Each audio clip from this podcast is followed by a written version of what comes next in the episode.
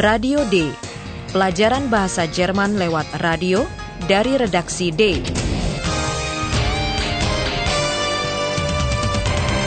Proyek bersama Goethe Institut dan Radio Deutsche Welle. Naskahnya ditulis oleh Nyonya Herat Messe.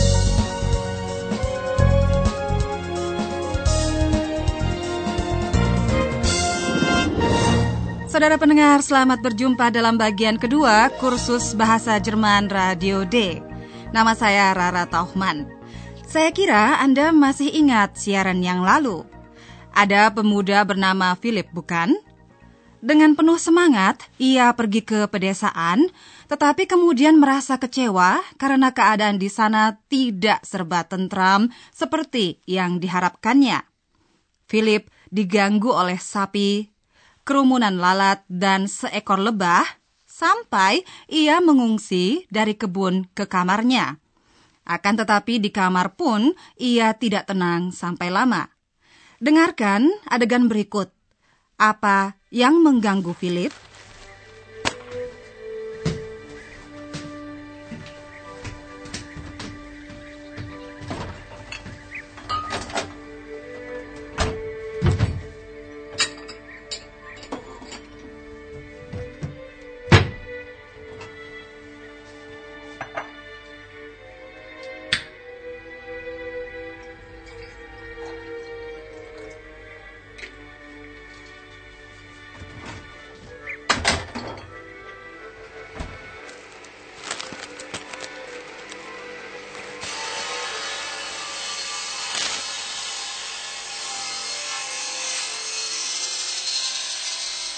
Nein, bitte nicht.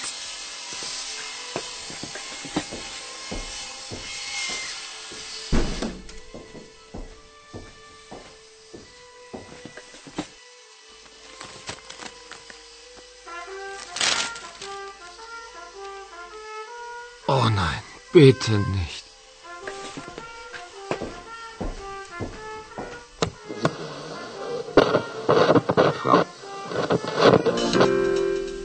Sie jetzt mit Spider ins Internet. Jetzt sofort mit Spider ins Web.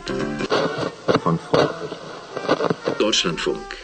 17 Uhr die Nachrichten. Berlin. Das Bundesgesundheitsministerium hat im Skandal um das Medikament Placebo Forte erste Konsequenzen gezogen. Hallo, liebe Hörerinnen und Hörer.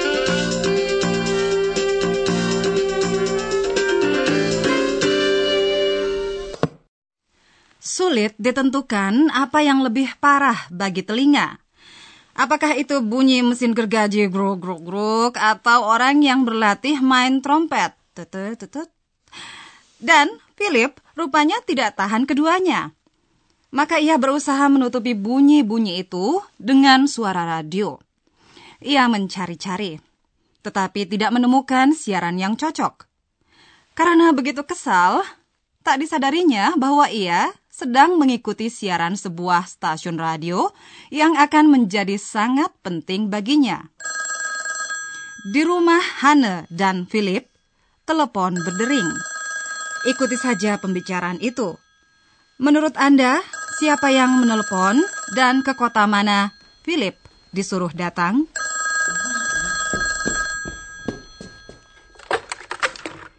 Hanne Frisch, guten Tag.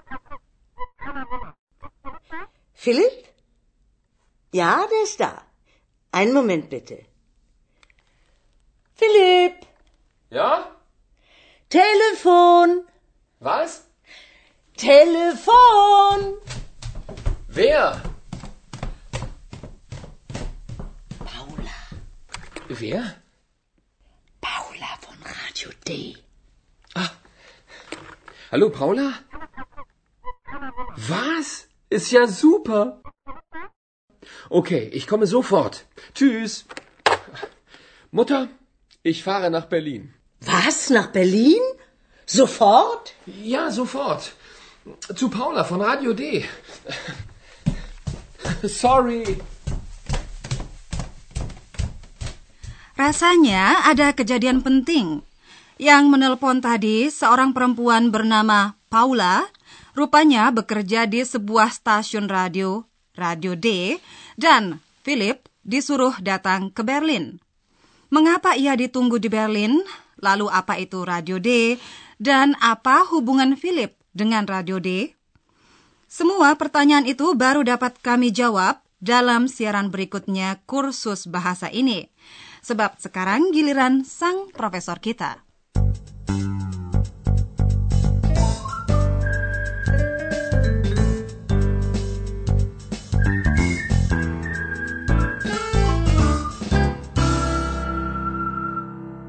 Ya, saudara pendengar, hari ini ingin kami terangkan satu kiat lagi yang memudahkan pemahaman bahasa Jerman. Dalam adegan kedua, Anda sempat mendengar bahwa ada telepon dari seorang perempuan. Ya. Paula namanya. Dan Anda tentu menangkap juga bahwa Paula bertugas di Radio D. Paula. Paula von Radio D. Saya kira pendengar kita juga mengerti kata radio. Walaupun belum jelas istilah itu dalam bahasa Jerman. Tepat sekali Ibu Rara. Hal seperti itu terjadi karena adanya kata-kata tertentu dalam bahasa Jerman ya yang maknanya dapat Anda kira, saudara pendengar. Mungkin kata itu dikenal dari bahasa Indonesia juga, seperti halnya radio, Radio. ya, atau dari bahasa Inggris atau dari bahasa Prancis dan lain sebagainya. ya. Biasanya ucapan kata-kata tersebut em, sedikit berbeda dalam bahasa Jerman, tetapi ada kemiripan. Dengarkan sekali lagi istilah radio dalam versi bahasa Jerman, bahasa Inggris, dan bahasa Prancis. Dan coba perhatikan cara penekanan yang berbeda-beda. Radio. Radio. Radio. Was? Nach Berlin? Sofort? Ja, sofort. Zu Paula von Radio D. Sorry. Pemahaman kata internasional seperti itu tentu lebih mudah lagi kalau di samping kata terdengar juga bunyi-bunyian seperti telepon kemudian kring gitu ya. Contohnya juga bunyi traktor. Traktor. Traktor.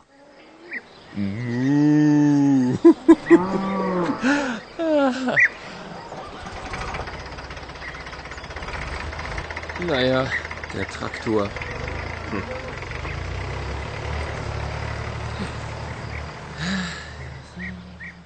Ya, saudara pendengar, kalau tidak ada bunyi, Anda dapat memperhatikan nada suara. Umpamanya, nada Philip ketika ia senang sekali dan mengungkapkan perasaannya itu dengan kata super. Super. Ya, super. Ha. Super. Super.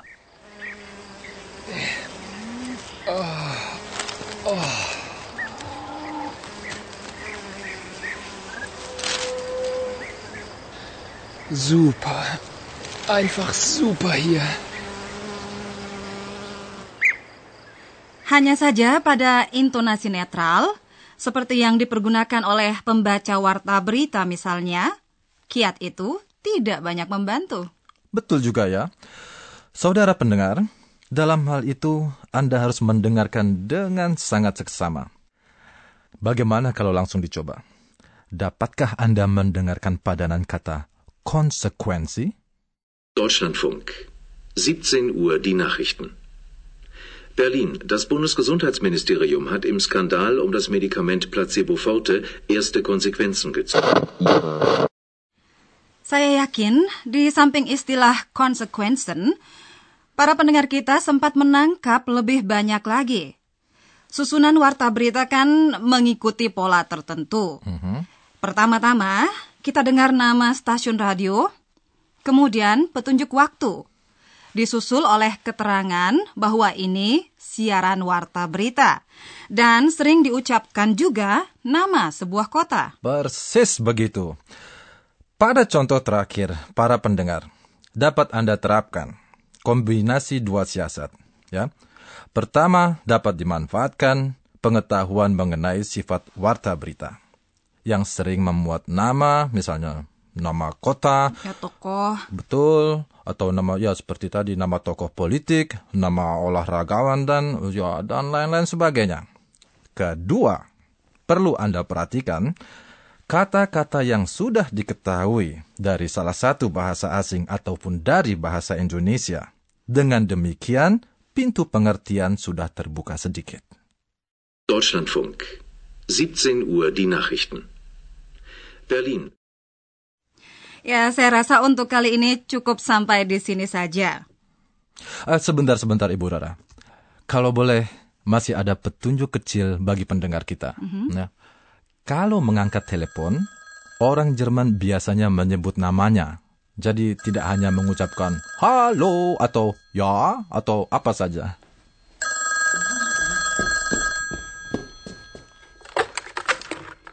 Hanne Frisch, guten Tag.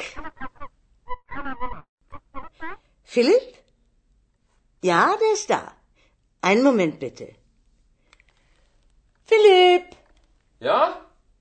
Telefon, Was? Telefon. Sebagai penutup, dengarkan sekali lagi adegan pembicaraan telepon itu sedikit demi sedikit.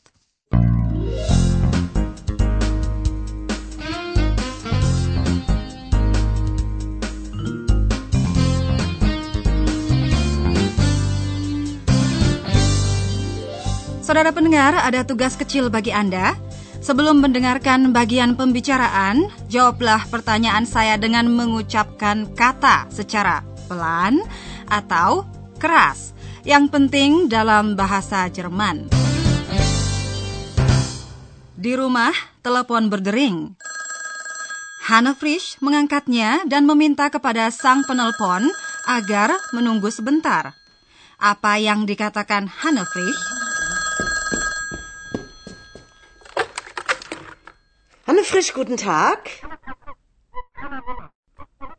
Philipp? Ja, der ist da. Einen Moment bitte. Hannah Frisch mengatakan kepada wanita penelpon, "Tunggu sebentar." Kemudian dipanggilnya Philip. Apa katanya? Philipp, Ja? Telefon, Was? Telefon. Jelas. Nyonya Frisch mengatakan telepon. Philip tentu ingin tahu siapa yang menelponnya. Informasi apa saja yang diberikan Hannah Frisch mengenai Paula? Paula, Wer? Paula von Radio D. Ia membisikkan kepada Philip bahwa yang menelpon adalah Paula dari Radio D. Kata apa yang dipakai Philip untuk menyapa Paula? Hallo, Paula? Philip memilih cara penyapaan akrab dengan kata halo. Berita yang disampaikan Paula sangat menyenangkan rupanya. Dengan kata apa Philip menanggapinya? Hallo, Paula? Was? Ist ja super. Tentu Anda menangkap bahwa Philip girang sekali. Bagi dia berita itu hebat sekali. Sebaliknya, Hannah Frisch tidak begitu senang ketika diberitahu oleh Philip bahwa ia langsung harus berangkat lagi. Ke kota mana Philip akan pergi? Mutter, ich fahre nach Berlin. Was, nach Berlin? Sofort? Betul. Philip pergi ke Berlin. Di mana tepatnya tempat tujuannya? Mengapa ia memaksakan berangkat ke sana? Dan apakah ia sampai? Lalu siapa sebenarnya orang yang menelponnya? Semua itu akan Anda ketahui dalam siaran berikutnya. Sampai jumpa. Auf Wiederhören. Auf Wiederhören.